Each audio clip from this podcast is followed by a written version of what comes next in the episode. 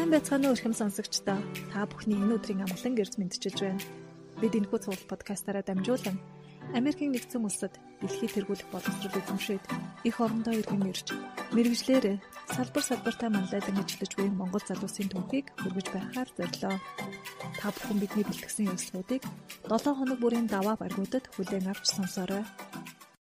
Сайн байцгаана эрхэм сонсогчдоо. Монголд Америк төгсөгчтэй холбоо буюу МАСАгаас эрхлэн хүргэдэг Америкт суралцсан миний төөх цуврал подкастын маань дахин нэг цоошин дугаар та бүхэнд хүрэхэд бэлэн болоод байна. За энэ подкастын дугаарыг би илүү 10 11 дугаар ангийн ахлах сургуулийн сурагчид маань сонсоосоо гэж хүсэж байна. Учир нь юу вэ гэвэл надтай хамт студид Люби Jenkins гэдэг ахлах сургуулийн сурагчдын Америкийн нэгдсэн улсад одоо солилцооны хөтөлбөрт хамрагддаг ийм гоё хөтөлбөрт шалгараад тэгээ төгсөөд ирсэн инхчин хамт байна. Тэгээд бид нэр урилгыг хүлээж авсанд баярлалаа. Өөрийгөө манай сонсогчдод дэлгэрэнгүй танилцуулаад хоёлаа яриагаа эхлэе. За сайн байцгаана уу? Намайг Ган төмөргийн ихчин гэдэг. Би одоо нийслэлийн 1-р сургуулийн 12 дугаар ангид суралцдаг. Тэгээд би сая өнгөрсөн зуны амралтаараа 2-7 хоногийн хугацаанд Америкийн нэгдсэн улсад сурагч солилцооны хөтөлбөрт хамрагчаад ирсэн. За, Libby Jenkins гэж ямар хөтөлбөр байдаг талаар шууд яриагаа эхлээд явъя. За тэгээ Люби Jenkins сурах солилцооны хөтөлбөр гэдэг нь зориг сонгоос зарладаг 10 жилийн хүүхдүүдэд зориулсан хөтөлбөрүүдийн нэг байгаа. Тэгээд бид нэр эхлээд 8 сарын турш ерөнхийдөө хувь хүний хөгжлийн сургалтанд хамрагддаг. Тэгээд баг баг болж хуваагдаад нийгэм тустай төсөл хэрэгжүүлж агаад хавраас эхлээд нэг 5 хүүхдэн тэр дундаас ахаа шигшигдэд сонгогддог. Тэгээд бид тав ерөнхийдөө 100-да Америк руу ерөнхийдөө 2-7 хоног соёлын солилцоонд хамрагчаад ирдэг байгаа. Энэ хөтөлбөр жил болгон зарлагддаг. Тийм жил болгон зарлагддаг. Би хамгийн анх зориг сангийн Junior Internship Program гэдэг өөр нэг хөтөлбөрт орж исэн баггүй юу. Тэгж байгаа тэр яг эд хөл хорооны үеэр таарад тэгээд тэгж яхад хамгийн анх энэ тэр үеийн тэр энэ сурах солилцооны хөтөлбөрийн хүүхдүүдтэй хамт нэг зүүм суугаад хамгийн анх мэдчихсэн. Тэгээ би дараа жил нь хичээж агаад бүр анжаагаад өргөдлөө явуулаад тэгээд орсон. Хөтөлбөрийн шалгуурын хувьд ерөнхийдөө ямар байд юм бол? Эхлээд ямар тач бол 10 юм уу 11 дугаар ангийн сурагч байгаа хэрэгтэй. Тэгээ тэгээд дүнгийн голчийг айгуус чухалчилж үздэг. Дүнгийн хулгай авчраарэ гэд үздэг. Тэгээд Улаанбаатар хотод оршин суудаг байх хэрэгтэй. Ягаад гэвэл хичээлүүд нь дандаа зөрөг сангийн байранд бигтээр ордог учраас тэгээд ерөнхий шаардлагууд нь бол нэг иймэрхүү. Тэгээд эхний шатанд болохоор эсээ бичүүлж авдаг. Артчлалын талаар тэгээд ягаад манай хөтөлбөрт хамрагдмаар байна бити нэг тиймэрхүү асуултуудтай. Тэгээд хоёрдугаар шатанд нь болохоор ярилцлага авдаг. Тэгээд ерөнхийдөө бол хөтөлбөртөө тэнцээд ордог байгаа. Тэгээ энэ 100% тэтгэлэгт хөтөлбөр гэж сонссон зөв үү те? Ерөнхийдөө бол бүх бүх хөтөлбөрийн зардал нь бол цаанаасаа даагддаг. Тэгээд төсөл хэрэгжүүлдэг гэжсэн төслийн мөнгийг хүртэл бид тодорхой хэмжээний мөнгө олгоод төслөө хэрэгжүүлээрэй гэж хүчээсэн. Тэгэхээр энэ хөтөлбөрт хамрагдахын тулд ерөөхдөө ямар хуу шалгуур ууд байдгүй одоо нөгөө хөтөлбөрийн requirements гэж байдаг шүү дээ. Ерөнхий шаардлагууд нь ямар ямар байдаг вэ? Ерөнхий шаардлага нь бол англи хэлний чадвар нэг их шаарддаг гэхин цаашийн гэхдээ ямар ч бол дунджаас дээш төвшний англитай байх хэвээр. Тэгээд бас яг артчлал гэж юу юм тэгээд зориг сан гэж ямар байгууллага вэ гэдэг талаар ямар ч ойлголттой хүүхдүүдийг айгүй тэнцүүлж авдаг юм шиг санагдсан. Тэгээд бас дүн айгүй чухал гэж ярьсан. Ерөнхийдөө өнгөрсөн жилийн одоо чинь 10 дугаар ангид орж байгаа бол 10 дугаар ангитай энэ хөтөлбөрт орж байгаа бол 9 дугаар ангийнхан дүнгийн гол чинь 90 байс дээш хэвээр гэдэг ч юм уу те. Нэг тиймэрхүү зүйлүүд дээрээ сайн анхаарад тэгээд эсээгээ бас айгүй чухал. Тэгээд англи хэл дээр эсээгээ бичиж явуулах юм бол айгүй их давуу тал болдго юм шиг санагдсан. Хөдөө орон нутгийн хүүхдүүд бол хамрагдах боломжгүй гэж. Тийм, ерөөдөө бит дээр явдаг болохоор хөдөө орон нутгийн хүүхдүүд яг Улаанбаатар тэр хугацаанд байж чадна гэвэл бол болох л та. А энэ хөтөлбөрийн талаар чиний хувьд таанаас яаж сонсч исэн? Тэгээд хэрвээ одоо сурагчид мэдээллийг олё гэвэл хаашаа хаанаас их сурвалжийг олж мэдээллийг унших хэрэгтэй юм бол? хөтөлбөрийн бүртгэл ерөнхийдөө бол нэг 9 сард зарлагддаг. Тэгээд нэг 10 сар хүртэл явж байгаад ерөнхийдөө хүүхдүүдээ 10 сарын дундуур тэнцвүүлээд оролдог байгаа. Тэгээд хэрвээ хөтөлбөрийн талаар мэдээлэл авах юм бол ер нь зориг сангийн Instagram юм уу Facebook пэйжийг нь дагаад байж хахад бол ер нь алцахгүй. Тэгээд би өөрөө хамгийн анх өөр нэг зориг сангийн хөтөлбөрт явдаг байж байгаад тэрүүгээрээ сонсоод тэгээд дараа жил нь бол өргөдлөө явуулаад тэнцсэн. 2022 оны хувьд бол одоо ингээд дууссан байгаа тий. Тэгээ одоо ерөнхийдөө бол дууссан. Тэгээд дараа жил бол дахиад 9 сар зарлагдах байхаа. Тэгэхээр эх онд 2023 онд 10 11 дугаар ангид орох гэж байгаа сурагчтай бол одоо эртнээс өөрийгөө энэ хөтөлбөрт бэлдэж эхлэх хэрэгтэй байна шүү дээ тий. За Америк руу явдаг нь бол 2 7 хоног гэж ойлголоо. А харин хөтөлбөрт одоо ингээд 10 11 сарда материалаа өгөөд шалгарахад яг ямар процесс болдог вэ? Ерөнхийдөө нэг 8 сар орчим бас хөтөлбөрт хамрагдаж байгаад явдаг гэж ойлгосон. Тэгэхээр энэ талаар бас яг нэгдсэн зэгцтэй мэдээллийг сонсогчдод өгöd өгөх үү? За тэгээ эхлээд ямар тач бол тэнц чинь тэгээ 10 сард эхлээд нэг нээлтийн өдрөлөг гэсэн нэг зүйл болдог. Тэгээд ерөнхийдөө энэ хөтөлбөрөөс юу хүлээж байгаа вэ гэд эцэг ихтэйгээ ирээд нэг гэрээнд гарын үсэг мүсэг зурх мэтийн үйл ажиллагаа болж байгаа. Дараа нь ерөнхийдөө 7 хоногийн тогтсон нэг өдөр бид нарт бол 2 дахь өдөр болгон орж исэн.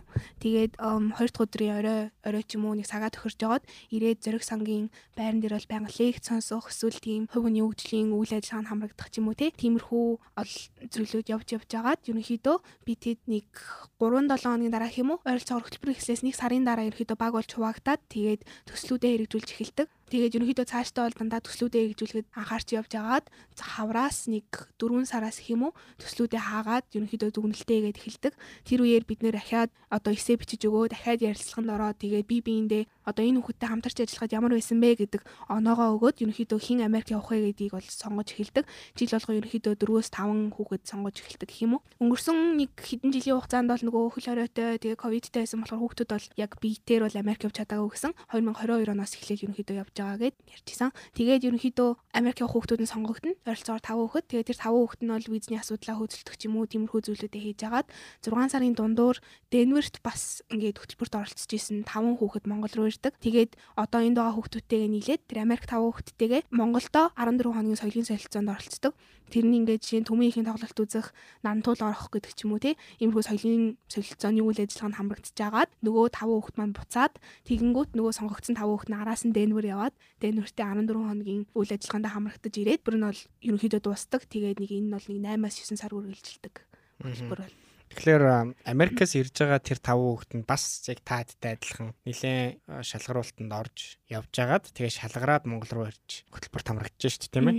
А тэгэнгүүт нь нөгөөдөл нь буцаад Америкт очисныхан дараа та хэд очиод тэгээ тэднэртэйгээ уулзаад хөтөлбөрт хамрагдаад явдаг гэж ойлгох ойлгох зөв. Ер нь бол тийм. Тэгээд бидний Монгол талаас ингээд зохиогдож байгаа үйл ажиллагааг бол зэрэгсэн хараа хариуцаад тэгээ Дэнүр талдаа зохиогдож байгаа тэр талын хүүхдүүдийг цуглуулах тэгээ тэр хүүхдүүдийг бас тодорхой хэмжээний соёлын хичээл орж байгаа шүү дээ. Жишээ нь нэг хүүхэд ирчээд намайг Дэнерт хахад Монголд очиод яах вэ гэсэн чинь монгол хүмүүс ингээд би бинийхээ хөлн дээр гიშгчгээрээ гарнаас нь бариад нүдрүү нарснаа уучлаарай гэж хэлдэг шүү гэж зааж өгсөн гэж ярьж исэн.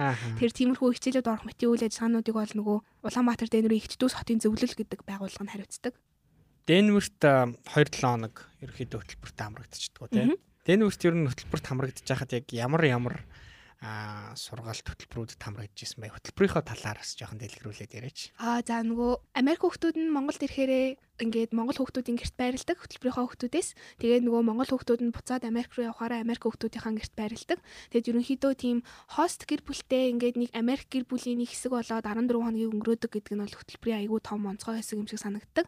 Яг ийм Америк гэр бүл ямар байдаг вэ гэд орчинд нь ороод бүр тэнд нь амьдраад тэгээд ерөнхийдөө 14 хоногийн турш бол тэр хавийн сургуулиудаар явж утсан. Тэгээд одоо музей үзэх тий амтны үрэлэг орох гэх мэтийн одоо соёлын үйл ажиллагаанууд айгүй хийгээ. Тэгээд би тэдийг явж хахад яг нөгөө Америкийн тусгаар тогтнолын баяр таардаг болохоор бас нэг том том үйл ажиллагаануудад оролцдог.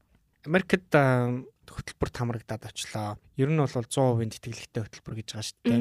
Яг уу сонсогчдтой хоёлаа илүү ойлгомжтой болгоод яг 100% тэтгэлэг гэдэгт нь юу юу ордгийг гэдэг талаас мэдээлэл өгье. За тэгээ 100% тэтгэлэг гэдэг нь болохоор онгоцны тийз тэгээд очоод байрлах айл байгаа шүү дээ тий. Тэр айлдаа бол байрлж гин хоолыг нь идэж гин ерөөсөө мөнгө төлдөггүй. Тэгэхээр биднээс гарах мөнгө гэхээр зүйл бол ерөөсөө яг гоо тэнцний дараа нэг визний ингээд ажил хөөцөлдөж явахад нэг тийм баталгаа орчуулга морчуулга гэх мэт нэг аар саархан мөнгөний асуудлыг бол өөрсдөө гаргадаг. Тэгээд бас Америк явахад жоохон халаасны мөнгөтэй явах хэрэгтэй гэж ярьдаг шүү дээ. Очоод нэг хүмүүс бэлэг мэлэг цуглуулна гэдэг. Тиймэрхүү зүйлүүдийн бол мөнгө авч явна. Тэрнээс Америкт очоод айлтаа байрлах тэгээд өөр янз бүрийн ажиллагаа хийх ч юм уу жишээ нь тоглолт үзлээ гэхэд тоглолтын мөнгийг нь бол бас цаанаас нь даа. Ерөнхийдөө өөрийн хувийн зардлынхаа мөнгийг тэгээд хүмүүс бэлэгшүүлэг авчирна гэж байгаа бол бас тэрнийхээ мөнгийг л аваад явхад ер нь бол буцаад нөгөө одоо жишээ нь танай гэр бүл нөгөө Америкээс ирж байгаа нэг хүүхдийн бол хост хийж байгаа шүү дээ тийм гэртээ амьдруулж байгаа. Тэр үед нь бас тодорхой зардлууд гарна шүү дээ. Тэр зардлын танай гэр бүл хариуцах уу эсвэл хөтөлбөрөөс нь хариуцах уу? Манайх бол гэртээ хүүхэд хост хийгээгүй. Зүгээр нөгөө заавал Америк явж байгаа таван хүүхэд нь гэртээ аав гэх биш. Нөгөө айл болох Америк явахгүй байгаа хүүхдүүд нь гэртээ 14 хоног Америк хүүхэд байлгаа тэр хүүхдтэйгээ одоо англиар яриад хэлний чадвараа сайжруулах гэдэг үүднээс бусад хүүхдүүдээс нь хост гэр бүлийн сонгохыг илүүд үздэг. Тэгээ манайх бол гэртээ байлгаагүй. Гэхдээ нөгөө хүүхдээ одоо онгоцны буудлаас тосож авах тий. Тэгээд Монголд ингээд тодорхой үйл ажиллагаанууд хийгээд явж байгаа. Энийг нь бол зориг сан өөрөө даадаг. Гэхдээ яг гэртээ байх тэгээд нөгөө хост хийж байгаа хүүхдээ нэг бэлэг мэлэг өгөх мэтийн үйл гарахад бол тэрийг бол бас өөрсдөө даах баха. Тэгэхээр заавал тэр ирж байгаа хүмүүсийг хост хийсэн одоо гэртээ амьдруулсан хүн нь Америк руу явна гэсэн юм бол тийм зүйл байхгүй юм биш тийм ээ. За энэ хөтөлбөр ер нь альва хөтөлбөр зарлагдахтаа нэг тийм зоригтой зарлагддаг л да. Ер нь тэтгэлэг хөтөлбөрүүд зарим нь бол яг хуу одоо ихэвчлэн засгийн газрын хөтөлбөрүүд дипломат харилцаа, хоёр орны найрсаг харилцаач гэдэг юм уу иймэрхүү харилцааг бэхжүүлэхийн тулд одоо тэтгэлгүүдийг зарладаг. Зоригсон бол харьцангуй төрийн бас байгууллага гэдэг утгаараа бас нэг тодорхой зорилготойгоор тэтгэлгүүдийг зарлаж байгаа болов уу гэж бодож байна. Тэгээд ер нь энэ тэтгэлгийнх нь агуулга зорилго нь юу юм бол? Улаанбаатар Дэнвэр хоёр хот маань Игчдүүс хот гэж явдаг Игчдүүсийн холбоотойгээд 2001 онд ийм харилцаа тогтоосон. Тэгээ ерөнхийдөө ийм нөхөрлийн шугамар ийм соёлын солилцоо хийнэ гэдэг айгүй зорилготойгоор энэ хөтөлбөр явуулдаг юм санагдсан. Тэгээд бид хэдийг Америкт байж хахад сүүлийн өдөр нь ингээд төгсөлтийн парти дээр бид хэд бүгдээрээ дүгнэлтээ яриад байж хахад нэг хүүхэд ингээд оо би Америкт ирээ шүлтөө хоолой Америк саналаа. Тэгээд би Монголдоо ирнэ байвал гоё юм байна гэж бодлоо гэсэн чи ингээд хүмүүсийг би эвгүйгээр хүлээж авах болов уу гэж бодсон чи манай хөтөлбөрийн гол зорилго бол ерөөсөө л энэ өөр нэг улсын соёлтой ингэж уусаж өөрийгөө нэгтгэж үзээд тэгээд өөрийнхөө соёлын үн цэнийг бас ойлгох нэг тиймэрхүү үйл ажиллагаанд явагдаж байгаад бэйгүү баяртай байна гэсэн зүйл ярьж исэн. Тэр ерөнхийдөө бол тийм соёлын солилцоо гэдэг маягаар өөр орны соёл таньж мэдэх тэгээ бас ийм хоёр ихт дүүс хот гэдгээрээ бас холбогдож хийгдэж байгаа. 2 7 хоног Америкт яг очихдоо за яг юу юу болсон талаар хоёлаа сонсогчтой гоё нүдэнд харагдтал мэдээлэл өгöd өгөө би анх удаа онгоцоор нисч үтсэн байхгүй юу. Тэгээд тийшээ очих гээд айгүй удаан бүр ингээд эхлээд энэ чон руу яваад тэгснээ тэндээсээ өөр ингээл яваад ингэсэн чинь амар ядарсан. Тэгээд бас онгоцны юу ингээд гиз миц үүрхдэг тиймэрхүү зүйлүүдийг анх удаа одоо тулгарч туулж утсан болохоор надад эхлээд айгүй хэцүү. Тэгээд айлдаа очихдоо л амар ядарсан бүр шүн буусан. Тэгээд дараагийн нэг өдөр нь бол бүр яхаарахгүй гэртээ амраад унтдгийм байх лээ. Гэрийнхэнтэйгээ жоохон танилцаа татнасаад тэгээд дараагийн өдрүүдээс нь эхлээд ямар ч хамгийн ихэнд бол нөгөө манай дэнүрийн талаас ирсэн 5 хүүхэд тавуулаа нэг сургуулийн хүүхдүүдээс таарсан. Тэгэхээр тэр эдийн ахлах сургууль руу очиод ерөнхийдөө эднэрийн өдөр иймэрхүү өнгөрдөг юм байна гэдгийг үзээд тэгээд явж агаад гэртээ хараад ерөнхийдөө өдөр болгон амар их үйл ажиллагаатай байсан гэх юм уу ингээд өглөөнөөс ахуулаад орой хүртэл ерөнхийдөө нэг иймэрхүү тэгээд яг уу дундуур нь нэг тэр тусгаар тогтнолын баярыг нэг гэрийнхэнтэйгээ тэмдэглэх нэг чөлөөтэй өдөр байсан. Тэгээд бусад өдрүүд нь дандаа нөгөө нэг Америк 5 хүүхэдтэйгээ Монгол 5 хүүхэдтэйгээ тэгээд Монголоос ирсэн харгалзагч Америк талынхаа харгалзагчтайгаа ингээд бөөнөрөө нийлээд дандаа иймэрхүү үйл ажиллагаа хийгээд айгу завгүй явсан. Тэгээд дундуур нь бол ерөнхийдөө жоохон ядарсан. Тэгээд бас нэг тийм жоохон үл ойлголцох мойлголцох тий Монгол хамт ирсэн Монгол хүүхдүүдтэйгээ муудалцах ч юм уу эсвэл нэг жоохон харилцааны үүсэх юмнууд бас гарсан. Тэгээд яг хүүхдүүд л юм гаргал авах гээд. Яг нөгөө сургалтанд хамрагддаг уу? Чод одоо үйл ажиллагаанууд нэлээд завгүй хамрагдсан гэж байна шүү дээ. Тэдрийгээ задлаад хэлвэл яг ямар арга хэмжээнд хамрагдаж байна? Бид нар эхлээд тэр ахлах сургууль дээр нь очиод ахлах сургуультай танилцаад одоо нөгөө янз бүрийн нөгөө сайн дурын клубүүд байдаг штэ тэгээ жишээ нь Lions гэдэг юм уу тиймэрхүү хүмүүс ирээд бид нарт айгуу тийм яриа хийсэн гэх юм уу ерөнхийдөө Денвер тийм юу Улаанбаатар Денверийн харилцаа гээд тэгээ дараа нь ерөнхийдөө музей энэ төр айгуу хүзэж явж байгаад би тэд Денверийн их сургууль дээр нь очиод усны талаар ямар ч тач нэг лекц бол авсан. Тэгээд дараа нь болохоор би тэд Америкийн засаг захиргааны бүтцийн зохион байгуулалт нь Монголынхтай яаж харьцуулагддаг вэ гэдэг талаар бас нэг лекцэн суусан. Тэгээд ерөнхийдөө Монгол талдаа хийсэн солилцооны үйл ажиллагаанууд Америк талдаа хийсэн солилцооны үйл ажиллагаануудыг харьцуулаад харуул Америк талдаа хамаагүй илүү их лекцтэй сонсож суух судлах зүйлүүд аягүй их байсан гэх юм уу. Одоо чинь дэр усны талаар, усны хэрэглээний талаар одоо улс төрийн тиймэрхүү мэдлэг олгох лекц үзэндөө их Монголд бол ерөнхийдөө илүү их тийм соёл тал руугаа чиглэсэн тоглолт үзэх гэдэг ч юм уу те тийм кино наадамд оролцох моролцох гэсэн тиймэрхүү үйл ажиллагаанууд илүү их байсан. 2-7 хоногийн турш Америкт байхад ер нь ялангуяа нөгөө Америк хүүхдүүдтэй ингээ хамт хөтөлбөрт хамрагдаа явж шүү дээ. Тэгэхэд ер нь өсвөр насны хүүхдүүдийн бие авч явах байдал эсвэл одоо сэтгэлгээний ямар нэг ялгаатай зүйл анзаарэгдсэн үү? Мөн одоо Америк айлынх нь амьдралын хэм маяг Монголоос бас ялгаатай зүйл байсан уу? Өсвөр насны хүүхдүүдийн хоорондын сэтгэлгээний ялгаа гэх юм бол надад Америк өсвөр насны хүүхдүүд хамаагүй илүү улс төрийн идэвхтэй шиг санагдсан. Тэгээ улс төрийн идэвхээ дагаад өөрийнхөө улсын түүхийг хамаагүй сайн мэддэг гэх юм уу. Тэгээд жишээ нь бид нөгөө Америкийн тусгаар тогтнолын баярыг тэмдэглэсэн гэсэндээ тий. Тэгээд тэмдэглээд явж байхад энэ яг ямар учиртай баяр илээ. Зүгээр ингээд наргиц ингэх ууж идэхтэй биш. Эн чин одоо энэ улс чинь ямар хүмүүсийн нуруунд дээр ямар учиртайгаар бослоо гэдэг тэгээд түүгийнхаа хар бараа хэсгийг айгүй хааж нуухгүйгээр тэрийг айгүй нээлттэйгээр ямар тач хүүхдүүд нь бол хоорондоо айгүй ярилцж ирсэн нь надад айгүй сонин содон санагдсан. Тэгээд манай одоо хост сиблинг маань хэм үү намайг гэртээ байлгасан нөгөө солилцооны хөтөлбөрийн маань хүү ингээд машинтаа гадуур явж ирсэн аа. Oh gentrification gentrification тэргээл ингээ амар ярьдаг. Тэгэхээр би юу гинэ наадах чи юу гинэ гингүүт ингээд ямар ч тийм нийгмийн улс төрийн итгэх айгүй сайтай хүмүүс байсан. Тэгээд надад тэр нь ийм би зөндөө олон зүйл мэдэхгүй юм байна гэдгийг маа надад бас хүлээн зөвшөөрүүлээд тэгээ би мэдэж авах юмсан гэсэн хүсэл бас төрүүлсэн гэх юм уу. Тэгээд Америк айлын хувьд гэх юм бол айгүй чөлөөтэй байдаг юм байна лээ. Надад нэг тийм том соёлын шок болсон зүйл нь гэх юм бол ингээд гэртээ гутлаа тайлдаггүй гэдэг надад айгүй сонь санагдсан. Тэгээд бөөнөрөө ерөнхийдөө ингээд өрөө өрөөндөө ороод бас алга болчдөг гэдэг нь надад айгүй сонь санагдсан. Тэгээ тиймэрхүү ийм өөрөөр ийм жижиг сажиг жижиг төвшин тиймэрхүү гэр бүлийн одоо өөр өөр талууд айгүй их байдаг юм байна гэдгийг бас анзаарсан. За Америкт одоо яг суралцъя энэ хөтөлбөрт бас материалаа өгье гэж байгаа 10 дугаар ангиас доошо сурагчд эртнээс юу бэлдэж явах хэрэгтэй гэж бодож байна вэ? Англи хэлний төвшин одоо нэг шаарддаггүй дунджаас дээш байх ёстой гэсэн нэг тийм заалтал тавхан тавьдаг. Гэхдээ ер нь англи хэл сайн байх тусмаа Америкт очиод илүү их тэр үйл явдлуудын үр шимийг илүү сайн хүртэж чаддаг юм санагдсан. Жишээ нь зөндөө олон лекцүүд сонсоод явна. Тэгж яхад одоо байн орчуулж өгөөд чадахгүй. Тэр тийм болохоор өөрөө хэрвээ сонсоод ойлгодог, харилцан яриа үүсгдэг, юм асууж чаддаг бол хамаагүй илүү сайн ойлгож өөртөө шингээж авах юм уу? Тэгэхээр хамгийн ихэнд бол англи хэлний төвшнөө бас сайжруулад бэлтэж явах хэрэгтэй. Тэгээ ерөнхийдөө зориг санал өргөдлөө илгээхдээ англи хэл дээр эсээгээ бичээд явуул бас ерөн зүгээр. Тэгэхээр ер нь англи хэлээ нэг танхаарад хоёрт тэгээд зориг сан бол ер нь артчлал дээр айгүй төвлөрдөг ер нь гол зорилго нь тийм болохоор артчлал гэж ер нь юу билээ тэгээд миний амьдрал ямар нөлөө үзүүлж байгаа илээ би ер нь артчлалыг юу гэж боддог вүлээ гэсэн нэг тиймэрхүү ойр зургийн юм ус төрийн ойлголт ч юм уу тиймэрхүү зүйлүүдэд айгүй сайн бэлдээд тэг өөрийнхөө талаар бас нэг тодорхой юм бодолтой болцсон байх хэрэгтэй ингээд ер нь хаан ч утсан тэр Монголын юунд нь оролцсон ч гэсэн Америк татсан ч гэсэн өөрийгөө танилцуулаад ярих шаардлага амар их гардаг. Тэгээ тийм болохоор ерөнхийдөө би нэг иймэрхүү хүн би юм юм хийж чаддаг, би ингэдэг гэдгээ айгүй сайн тодорхойлцсон байвал зүгээр санагдсан. За Америкт очихоор ерөнхийдөө ялангуяа гадагшаа явж байгаа хүмүүс эх орныхоо ер нь албан бус төлөөлөгч болчдөг л доо. Чиний хувьд ер нь яг энэ хөтөлбөрт хамрагдах гад явах гэж байгаа хүмүүс бас сонсож байгаа шүү дээ. Тэр хүмүүстэй одоо юун дээр анхаараараа гэж зөвлөх вэ? Эсвэл явахаас өмнө нэг иймэрхүү бэлтгэл хийчихвэл бас зүгээр юм байлээ шүү. Um ер нь ингээд яг одоо оролцож байгаа гэдэг тэгээд нэг 8 сарын дотор шууд хөгжим тоглоод бүжиглээд сурах нь цаашаа. Гэхдээ ер нь ийм Монгол соёлоо ямар нэгэн байдлаар илэрхийлэх зүйл сурцсан байх нь айгүй зөв санагдсан.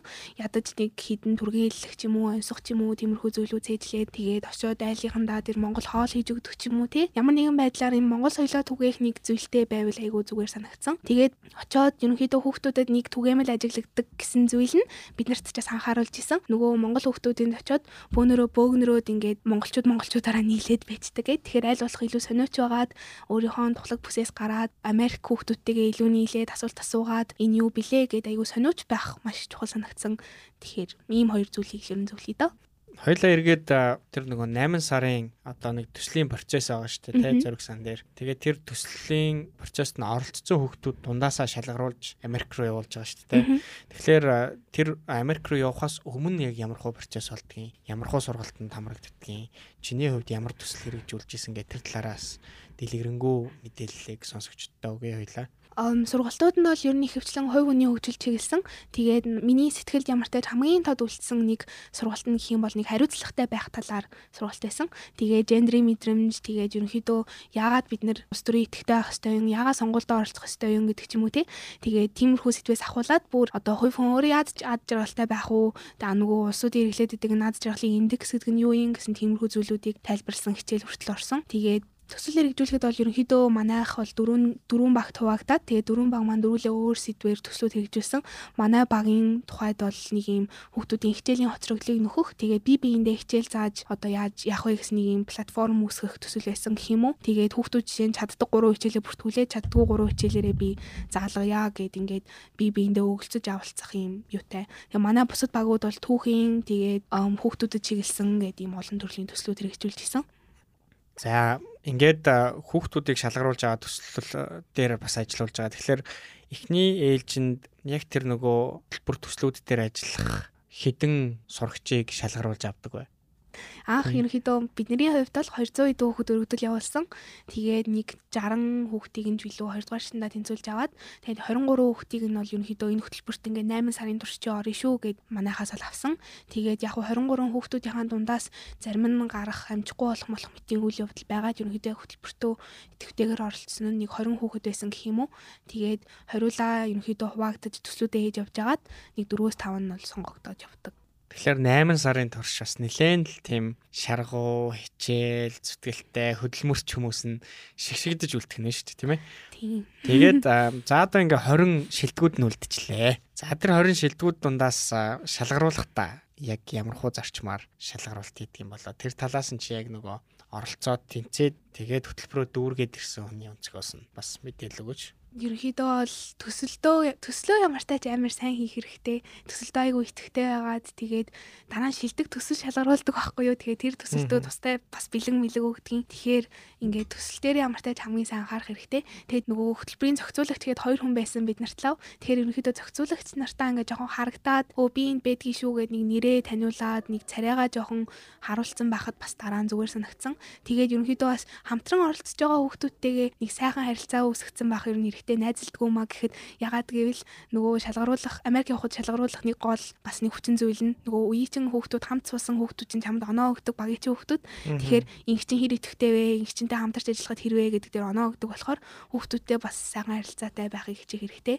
Тэгээд нөгөө хоёр зохион байгуулагч маань би бит хоёр ерөөсөө энэ шалгаруултын үйл явцад ямар ч одоо нөгөө эрх мэдэл байхгүй шүү бид хоёр шалгаруулдаггүй шүү гэдэг ч гэсэн ер нь бас хоёр зохион байгуулагчтайгаа сайхан харилцаатай тэр хоёртой танигдсан байх юм бол бас жоохон юм юу болж чаддгийм шиг санагдсан. Тэгээд өөр гол шалгаруулалт нь бол юу нэгсээ бичдэг. Яагаад Америкийн умаар байгаа. Тэгээ би хөтөлбөрөөс юу сурсан бэ? 8 сарын хугацаанд би юу хийв гэдгээ дүгнсэн нэгсээ бичнэ.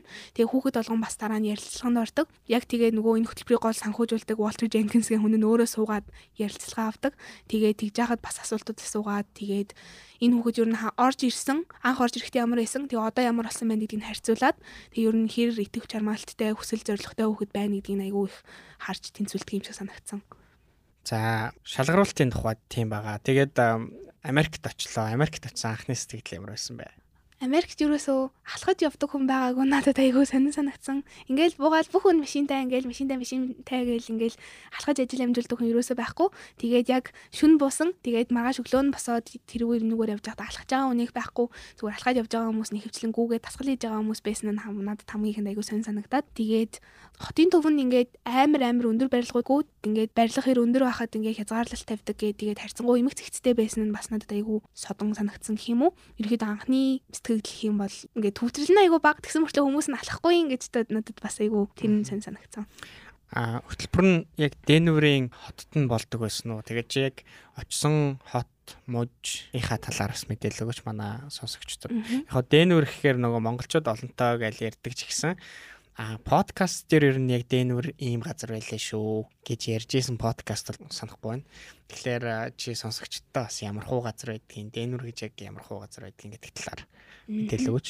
Денвер тийм ерөөдөө хөтөлбөр нь бол бүхэлдээ Денвер хоттой бол ингээ өрнөсөн. Тэгээ яг уу нэг хотоос гараад нэг уулан давирх мавирх мэтийн нэг үйл ажиллагаанууд бол болно. Гэхдээ ихэнх зүйл нь бол яг хот дээрээ төвлөрөөд тэр хотод байгаа айлд амьдарч байгаа учраас тэгээд Денверийг надад нэг сонирхолтой санагдсан зүйл нь Mile High City гэж нэрлэдэг. Тэгээ ерөнхийдөө далайн төвшнөөс яг 1 милийн өндөрт өргөгдсөн. 1 миль гэхээр одоо 1.6 км өндөрт өргөгдсөн хот болохоор тэгэж нэрлэдэг юм байна лээ. Гэхдээ яг бүхэлдээ бол 1 милийн өндөрт байдаг гэсэн үг бол биш. Яг нөгөө State Capital-ийнх нь нэг шатн дээрээс хэмжингүүт 1 милээд юм байлээ. Тэгээ Денвер бол үнэхээр монголчууд ихтэй. Бидний байж хахад бас яг наадан болж таарсан. Тэгээ монголчууд бөөнөрөө нийлээд айгүй өргөн дэлгэр наадам тэмдэглэдэг юм байна лээ. Тэгээд тойроод айгүй их уултай. Тэгээд ерөнхийдөө намайг явахаас өмнө нэг хүн Денверийн цаг агаар усын улаан гомтой аягүй адилхан шүү гэж хэлсэн. Гэтэ би тэнд 100 байсан болохоор яг бол тэрийг баталж хэлж чадахгүй. Тэгээ би улаан гомын улаан гомын цаг агаар ямар гэдгийг ч бас сайн мэдэхгүй байна. Тэгэхээр нэг тийм тэгээд тэнд байхад бол ямар ч тач аягүй халуун байсан. Тэгээд ер нь нэг тиймэрхүү юм уу? Одоо хотын яг нэг төв хэсэг нь тэгээд тэр нь аягүй өндөр барилгуудтай тэгээд тойроод ийм одоо хувийн эзэмшлийн хүмүүсийн барилгуудтай. Тэгэхээр Улаанбаатараас ер нь бол бүтцэн ямар тач амар өөр байсан. За тэгэхээр нэг тиймэрхүү газар байдаг байх нэ гэдгийг ойлгоод авчвал зүгээр байх. А Денверт бас гой наадам үзсэн гэдэг жисэн. А тэр талаараа бас ер нь ямар хуу байд юм байна. Гадаад тэр наадам тэмдэглэх, наадам үзэх ямар байд юм байна. Ер нь ингээд харж байхад их орондоо очоогүй удсан хүмүүс ингээд одоо эх орныхоо соёлын бүр юм экстрим хувилбарыг ингээ барьж аваад улам ингээ наадмаа Монголд байдаг хүмүүсээс ч илүү өргөн дэлгэр би ёстой наадамлын шүү гэд бүр ингээ бодоод аягүй сүртэй тэмдэглэдэг юм санагцсан. Ингээд хүмүүс машинтайгаа ирээл тэгээл бүгдээрээ майхан шиг юмнуудаа засаад тэгээд голдоо нэг том талбай гаргаснаа майхан болгоноос нэг эрэгтэй хүн ирээд бүх барилдаараа гээд тэгээд хүчээр барилдуулж исэн. Тэгээ манайхаас нэг Америк хүүхэд бол барилдсан. Тэгээд бүх барилдаа тэгээд ерөнхийдөө ингээд нөгөө майхнаас майхан ихсээд би биен дээр очиод өө сайхан наадмалж гинүү сайхан наадмалж гин гэдэг нэг хоол солилцож идэх нэг тиймэрхүү үйл ажиллагаа бас явж исэн. Тэгээд бас нэг инээдтэй санагдсан юм нь морь уралдуулсан. Яг одоо морь уралдуулах хэцүү болохоор хүүхдүүдээ барьж авангуудаа хүүхдүүдээрээ ингээд ийм дугаар наагаад морины ийм мод ингээд модон дээр мордуулангуудаа заагүйгээрээ миний хүүгээд морь уралдуулчихсан юм хэлээ. Тэгээд нэг хүүхэд бас түрүү магнаа болоод нэг нь баян хотод болоод яваад байсан. Тэгээд амар халуун өдөр наадманд харсан. Гэхдээ ерөнхийдөө бол яг монголчуудтайгаа байгаа. Тэгээд монгол хүмүүсийн царай харахаар айгүй гоё ядг юм байна лээ. Аа. Маш гоё үеэр нөтсөн байж та наадмын үеэр гэдэг чинь тэгээд яг ховорхон тохиодог наадмаараа монголчуудтайгаа уулзна гэдэг бол их гоё. 2хан 7 хоног явах. Тэр хоорондоо тийм гоё юмнуудтай таарна гэдэг нь бас их гоё. Аа чи бас July 4-т буюу Америкийн тусгаар тогтнолоо тэмдэглэдэг тэр баярын өдөр нь бас Америкт тэмдэглэх боломж олдсон гэж цухас дуртад өнгөрсөн. За энэгээр нь ер нь Америкчууд яг юу хийдэг юм байна энэ баярын амралтынхаа өдөр. Чинь нөгөө public holiday буюу бүх нийтийн амралтын өдөр байгаа шүү дээ тийм ээ. Тэгэхээр энэгээр ер нь Америкчууд юу хийдэг юм байна? Чиний хувьд ер нь тэн дээрээс одоо ойлгож авсан эсвэл одоо яг аваа иймэрхүү баяр гэдэг юм байна да гэж бодсон тэр зүйлээ мэдрэмжээ бас сонсогчдод маань хуваалцаж. Аа. Ам тусгаар тогтнолын баяраа айгүй сүртэй Өстөө өргөн дэлгэр тэмдэглэдэг юм байна лээ. Тэгээд ерөнхийдөө нэг нийтийн паркт бол өглөөгөө нэг юм чагсаал маягийн зүйл болдог гэх юм уу ингээ хүмүүс цогсоол үү Америк өстөө шилдэг шүү гэж тогтол байгаа мандуулаад ингээд явдаг нэг үйл ажиллагаа болдго юм байна лээ. Тэгээд дараа нь хүмүүс бол тэр парктаа цуглараад ингээд баахан шаармар барьсан хүүхдүүд нь тоглож моглоод нэг тиймэрхүү зүйл бол тэнд болдог олон нийтийг хамарсан гэх юм бол тэгээд бас зүгээр гэр гэрээсээ яаж тэмдэглэсэн бэ гэхээр орой бол ерөнхийдөө нэг хамаатнуудаараа бөөнөрөө нийлээд нэг нийтээ цуглаад тэгээд нэг барбекю хийж идэх те Тэгээд одоо яг хотдог гэж идэх юм яг нэг тийм хоолнуудаа хийж идээд тэгээд одоо өө юм баяр болж ийн тэгээ оройн айгүй хөвчтэй бас салют бодуулд юм байлээ. Бүр шүн унтуулахгүй амар удаан. Тэгээ тэрийгэ үзнэ гээд хотын төв рүү яваад суухаар ингээд айгүй том том салютууд будж байгааг бас харж болд юм байлээ. Тэгээ ерөнхийдөө бол нэг тийм айгүй сүртэй тэмдэглэх нь бол тэмдэглэдэг санагдсан би болохоор салют бол үзээгүй гэрийнхэнтэйгээ суугаад Хамилтон гээд жүжиг үтсэн тэр Америкийн тусгаар тогтнолын дараа үйл явцын талаар Ерхийдөө бол ингээд нэг удаа тэмдэглээд үзчихэхэд айгүй сайхан баяр шиг бол санагцсан. Хамилтон үзэж явах яг нөгөө театрт нь үзсэн үү те? Аа үгүй зүгээр зурагтаар үзсэн. Аа зурагтаар үзсэн үү те? Хамилтон ч бас яг тэр нөгөө тусгаар тогтнолын талаар гаргасан мюзикл. Тийм мюзикл те. Аа маш гой гой тийм дурсамжуудыг бас бүтээсэн байна. Хэдийгээр 2-7 хоног байсан ч гэсэн тэр хоорондоо нэлээ олон гой гой юмнуудыг үзсэн байна. Тэгээ би яг зүгээр сонирхолтой болов уу гэж бодоод асууж байна. Одоо инхчингийн хувьд ер нь цаашдаа ямар мэрэгчлэр сурах гэж бодож байна. Цаашдаа ер нь гадагш Америк руу дахиад явъя гэж бодож байна уу? Um би ирээдүйд ерөнхийдөө бол яг музейд ажиллах хүсэлтэй. Тэгээд яг Америк явжсан маань энэ одоо мэрэгчлээ сонгоход маань өө би үнэхээр музейд ажиллах юм байна гэж ингэж бүр бат болоход маань айгүй нөлөөсөн нэг зүйл нь би тэнд очиод зөндөөх музей үзсэн. Гэсэн чинь тэнхийн музейнуудыг би Улаанбаатарт үзсэн музейнуудтайгаа харьцуулаад тэгээд ингээд 5 мэдрэхүүгээрээ ингээд бүх мэдрэхүүгээрээ мэдэрч болох юм музей гэдэг юм байна гэдэг надад аюу гой санагдсан. Ингээд сонсдог хэсэгтээ хурж болдог, үнэрлж болдог зүйлүүд хүртэл байсан. Тэгээд тэгж яагаад үнэхээр хэсгэл хөдлөөд музейд ажиллах бол үнэхээр л миний хийх зүйл муу юм байна гэдгийг надад надад аюу баталж өгсөн. Тэгэхээр яг түүхийн чиглэлээр ер нь бол явах бах. Тэгээд би музейд ажиллах сонирхолтой байгаа. Харин ирээдүйн төлөвлөгөөний хувьд би одоо 12 дугаар анги. Тэгээд ямар ч тач 12 дугаар ангиа төгсөөд нэг жилийн чөлөө авах бол төлөвлөгөөтэй байгаа. Тэгээд Америк явах ер нь бол зорилготой. Тэгээд ихтэй харж ил бай гэсэн байдалтай да тоорол. Яагаад гэп аав гэж А сүүлийн үед яг хуу Америк руу явах гэж байгаа гадагшаа явах гэж байгаа хүмүүс gap year-ыг их авж ийн л та. Тэгээ яг хуу миний зүгээс болж өгвөл 12 дугаар ингээ дүнгиж төгсөхөөр төгсөөд гадагшаа явахаар зохицуулбал зүгээр шүү гэж их зөвлөдөг. А зарим хүмүүс болохоор гапыг заавал авч жагаад тэгээ явна гэсэн иймэрхүү бодолтой байгаад байдаг. А зүгээр би бас дахиад сонирхоод асуухад яагаад гап аавна гэж одооноос ингэж төлөвлөд байгаа. Одоо ер нь бас тийм хүүхдүүдийн дунд gap year авах гэдэг нэг тийм тренд маягийн зүйл болсон юм шиг тий. Тэгээд манай аав ээж хоёр бас ярьж байхад ингээд хэрвээ нэгээс илүү жил ингээд сурахгүй байгаад ах юм бол сурах сонирхол нь ер нь буураад цаашдаа ер нь их сургууль сурмааргүй юм шиг санагдаад явж байгаа магадлалтай хүүхдүүдийн дунд зүгээр тиймэрхүү зүйлүүд ажиглагддаг гэж ярьж исэн. Миний хувьд бол би ингээд нэгт би одоо ерөнхийдөө бол юугаач бэлдэж эхлэегүй шалгалтуудаа өгөөгөө болохоор энэ жилдээ би хэрвээ Америк явъя гэх юм бол арай хоцорсон гэх юм уу. Тэгээд тэрнээсээ гадна би одоо 12 жил ингээд айгүй сураад одоо айгүй ачаалттай байгаад яг нэг тийм сургууль хичээлээс өөр юм хийх нэг тийм боломж нэг гарч байгаа гэх юм уу. Тэгэхээр би яг gap year-ээр ажил хийж үзээд хүмүүстэй жоохон харилцаад нэг тийм Монголдоо ийм одоо юу гэдгийг нэг тийм хүрээлэл үүсгэх юм уу тий. Нэг тийм хүмүүстэй ажиллаж үзэх юм уу. Нэг тиймэрхүү зүйлүүд хийж үзээд жоохон туршлага хөрөнгөлүүлж агаад тэгээд би ер нь гадагшаа явах ажлаа хөөцөлтөй гэсэн бодолтой байгаа. Яг уу gap year авч байгаа хүмүүсийн хувьд нэгэнт л Америк руу явж байгаа юм чинь эсвэл гадагшаа явж байгаа юм чинь нэлээд том сургуульд нь 100% тэтгэлэгтэй явъя гэсэн байдлаар хойшлуулж гэп авч байгаа маш их тохиолдол байдаг.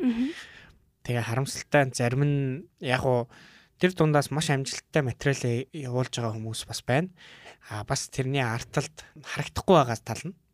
Маш олон хүмүүс бас гэп яр авчаад хичээсэн ч гэсэн бас хангалттай нөгөө хүссэн сургуульд орж чаддгүй, хүссэнд ихтгэлгээ авч чаддгүй. Тэрнээсээ болоод дахиад нэг жил сунгах. Тэгээ хэд хэдэн жил сунгаж байгаа тохиолдлуудыг би бас мэднэ. Тийм учраас ялангуяа ахлах сургуулийн сурагчид мас сонсож байгаа бол ер нь болж игэл эртнээс 12 дугаар ангиа төгсөөд ч юм Америкт гадагшаа явхад шаардлагатай бүх мэдээллүүдээ зэгцлээд өөрийнхөө бэлтгэлийг хангаж явах их зүгээр юм байл шүү гэж ингэж бидний зүгээс бас зөвлөдөг а year авах нь бол тухайн хүний эрхийн асуудал.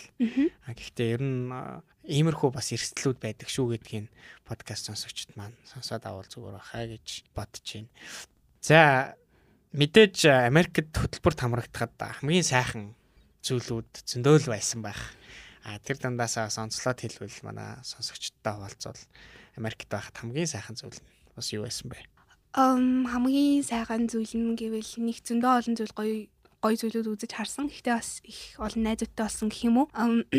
Манай тэр миний байсан айлын хүү одоо надтай ирсэн Монголд ирсэн хүү гэсэн. Тэр хүү ингээд нэг ийм farmers market болж байгаад ингээ өөрөө масл хийгээд зарж исэн.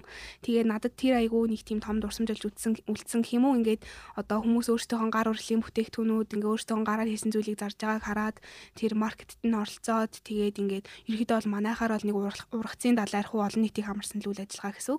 Тэгээд хүмүүстэй ярилцаад явхад айгүй гоё байсан. Тэгээд явж хахад бүр нэг хүн Денверийг явгууны замтай олгоё гэдэг нэг амар ийм одоо ингээд тэмцэл хийгээд явж байгаа нэг хүнтэй таараад тэр хүн тэгээ бүр Денверийн явгууны замны тухай айгуу удаан бас ярьж өгсөн. Тэр айлын маань хүү бас жолооны үнэмлэх авцсан. Тэгээд ингээд найзуутай нь уулзаад явхаар ерөнхийдөө ингээд хүүхдүүд уртлын суудалд суух айгуу дуртай гэх юм уу. Өө би shotgun сууя би дөрүүлж илсэн гэд яадаг. Тэгэхээр тэр хүү маань өө инхчийн сууж байгаа энэ инхчийн суудал гэ. Тэгээд бид хоёр хоёлоо урт суугаад найзуутай нь уулзчаад нэг нэгээр нь гэр гэрт ингээд буулгаж өгөөд тэгээд дараа нь хоёлоо тэр өдрийнхөө талаар яриад гэрлүүгөө харьдаг байсан нь бас айгуу гоё дурсамж болж сэтгэлд үлдсэн. Мэдээж одоо эн чинь яг бүхэл том хөтөлбөрөөр нь харах юм бол 8 сар гаруйн хугацаанд үргэлжилж байгаа юм хөтөлбөр шүү дээ. Энэ хугацаанд ер нь хүндрэлтэй бэрхшээлтэй зүйл байсан уу? Сорилттой зүйл байсан уу? Төсөл хэрэгжүүлэх үйл явцад хамгийн хэцүү байсан. Ингээд багаар ажиллана гэдэг ингээд бас хэцүү. Яг ингээд цагаа тулаад айгүй их мөнгөн дүн авцсан. Тэгээ тэрэндээ тааруулаад бүр төсөн өсөвтэйгээр санхүүгийн тайлан байлан бичээд төсөл хийнгүүт ингээд өө яадаг хэлээ гэдэг ингээд жоохон амар юм шиг санагдаад тэгээд багийнхаа гişүүдтэйгээ ажиллаа хуваарлах ч юм уу тиймэрхүү зүйл дээр санал зөрөлдөх тэгээд хугацаанд амжихгүй байх жоохон салгар дуулах ч юм уу тиймэрхүү үйл явдлуудаас болоод төслийн үйл ажиллагаан дээр ер нь хамгийн их стрессцэн. Тэгээд эхлээд санаагаа олохгүй байж байгаа цаган тулаад ирэнгүүт нэг төсөл за захиалуулчих гэж эхлүүлээл тэгсэн дараа нь за энэ юу н бүтэхгүй маань өөр төсөл хий гэж эргэж буцдаг ч юм уу тэгээд нэг тийм төлбөргүй байх эсвэл жоохон цагийн зохицуулалт муутай байх зэрэгээс болоод хүүхдүүдийн төсөл нь айгүй их дундаа гацах ч юм уу тэгээд янз бүрийн асуудал бэрхшээлтэй тулах үйл явдлууд бас зөндөө гарсан. Гэтэ бүгдээрээ туулаад гараад төслийнхөө хамгаалтыг хийгээд тэгээд төсөлтөө хийсэн. Yay. Вау яг чиний төгссөн түүхийг сонсогчтойгоо хамт би ч гэсэн бас ингээд давхар сонсоод бахархаж जैन. Тэгээд маш гоё хөтөлбөрүүдийг төслүүдийг багийнхантайгаа нээлж гүйцэтгээд тэгээд 2-7 хоногийн турш Америкт солилцоогоор ядарсанд бас дахин баяр хүргэе. Тэгээд бидний подкаст ерөнхийдөө өндөрлөх төгчийн тэгээд энэ хөтөлбөрт материалаа илгээхээр бэлдэж байгаа сурагчдад хандаж юу гэж хэлэх вэ? Ер нь хамгийн чухал зүйл нь сониучил байх гэд ингээд хэрвээ сониуч байгаа юм бол иймэрхүү хөтөлбөрүүд зөндөө байдаг. Зөвхөн одоо энэ зөриг сангийн UB Jenkins-ийн хөтөлбөрөөр л төгсгөө. Жишээ нь бид хэдтэй яг параллел хамт сурж агаад одоо бид хэдийг Америк яваад ирсний дараа адилхан хөтөлбөрт оролцож исэн хоёр хүүхэд маань тэр засгийн газрын тэтгэлэгтэй Access гэх хөтөлбөрөөр ахаад Бостон хот руу явчаад ирсэн байсан. Тэгэхээр ерөнхийдөө хэрвээ ингээд сайн ингээ хараад сонсоод байж ахын бол иймэрхүү хөтөлбөрүүд боломжууд зөндөө их гарч ирдэг. Тэгэхээр ер нь гол нь сониуч авах хэрэгтэй. Тэгээ дараа жил ерөнхийдөө энэ Люби Женкинс сурах зэлцооны хөтөлбөрт хүргэлээ болоод оролцъё гэж бодож байгаа хүмүүстүүдэд хэлэхэд 8 сар 9 сар ингээл дорхноо өнгөрчдөг. Тэгээ айгүй олон шин зүйл сурч авдаг. Тэгэхээр ингээд эртнээ сайн төлөвлөөд англи хэлээ сайжруулад тэгээд хэлснээр нөгөө ардчлалын талаар ойлголттой болоод тэгээд бэлдээд байж байгаарэ. Тэгээд одоо сонсож байгаа хүмүүстүүдийг дараа жилийн хөтөлбөрт ороод явж байгааг би зориг сан дээрээс харуул яасан гоё вэ гэж бодоод бас гоё санагдчихээн. Тий их чингээ маань өгсөн энэ мэдээлэл маш олон хүмүүст бас боломжийг боломжийн хаалгыг бас нээж өгөх байхаа гэдэгт итгэлтэй байна. Тэгээ манай подкастын хамгийн сүүлийн асуулт хүн болгоноос асуудаг асуулт. Та манай подкастын дараагийн зочноор ямар хүнийг урмаар байна вэ? Тэр хүн Америкийн засгийн газрын тэтгэлэг хөтөлбөрт хамрагдсан байж болно. Эсвэл Америкт сураад төгссөн байж болно. Амглан баяраа зэлмүнэ. Та хоёрыг энэ подкастт оролцоод тэгээд Америкийн усан туршлагаасаа хүүхдүүдэд хуваалцаасаа гэж би хүсэж байна. За баярлалаа. Бидний урилгыг хүлээж аваад подкастын маань зочноор оролцож Libby Jenkins гэдэг Америкийн нэгдсэн улсад 2-7 хоногийн турш солилцооны хөтөлбөрт хамрагдаад ирдэг ийм гоё хөтөлбөрт оролцоод төгсөөд ирсэн инхчин маань та бүхэнтэй бас өөрийнхөө түүхийг хуваалцлаа. Тэгээд инхчингийнхаа цаашдын сурлага төлөвлөсөн бүхий л зүйлд нь хамгийн том аз Тэгээд хамгийн сайн сайхан бүхнийг хүсье. Тэгээд надтай хамт одоо подкастыг маань ахлах сургуулийн сурагчид маань ихээр сонссон байхаа гэж найдаж гин. Тэгээд сонсож байгаа сонсогчд маань ч гэсэн энэ хөтөлбөрийг сонирхоод үзээрэй. Одоо өөрсдөө бас материалаа илгээгээд үзээрэй гэж хэлмээр байна. За баярлаа. Хүүхдүүдээ амжилт хүсье. Тэгээ намайг урьж оролцуулсан баярлаа. Би өөрөө ингээ ярьж байхдаа сая бас ерөөсөө өмнө нь бодоогүй байсан дүгнэлтүүдээ гаргаж ирээд дахиад шинээр олон зүйл сурч байгаа юм шиг санагдлаа. Баярлаа. Надад айгүй сайхан боломж боллоо. За баярлалаа. Дараагийн подкастын дугаараар иргэн уулзлаа. Түр баяртай. Баярлалаа. Баяртай. Америкийн нэгдсэн улсын засгийн газраас санхүүжүүлдэг Education USA Mongolia хөтөлбөрийн хэрэгжүүлэгчээр Монгол дахь Америк төгсөгчдийн холбоо ажиллаж байна. Та Америкт ихтэй сургалт хэрхэн суралцах тухай цогц үнэн зөв мэдээллийг үн төлбөргүй авахыг хүсвэл Education USA Mongolia хөтөлбөрийн боловсролын зөвлөгөөдөд хандаарай. Бидэнтэй холбогдох хүсвэл www.masa.org-ийг эмээн цахим хуудасаар хандж болохоос гадна Facebook, Twitter, Instagram дээр Education USA Mongolia дагаарай. Ирэх даваа гарагт иргэн уулзлаа түр баяртай.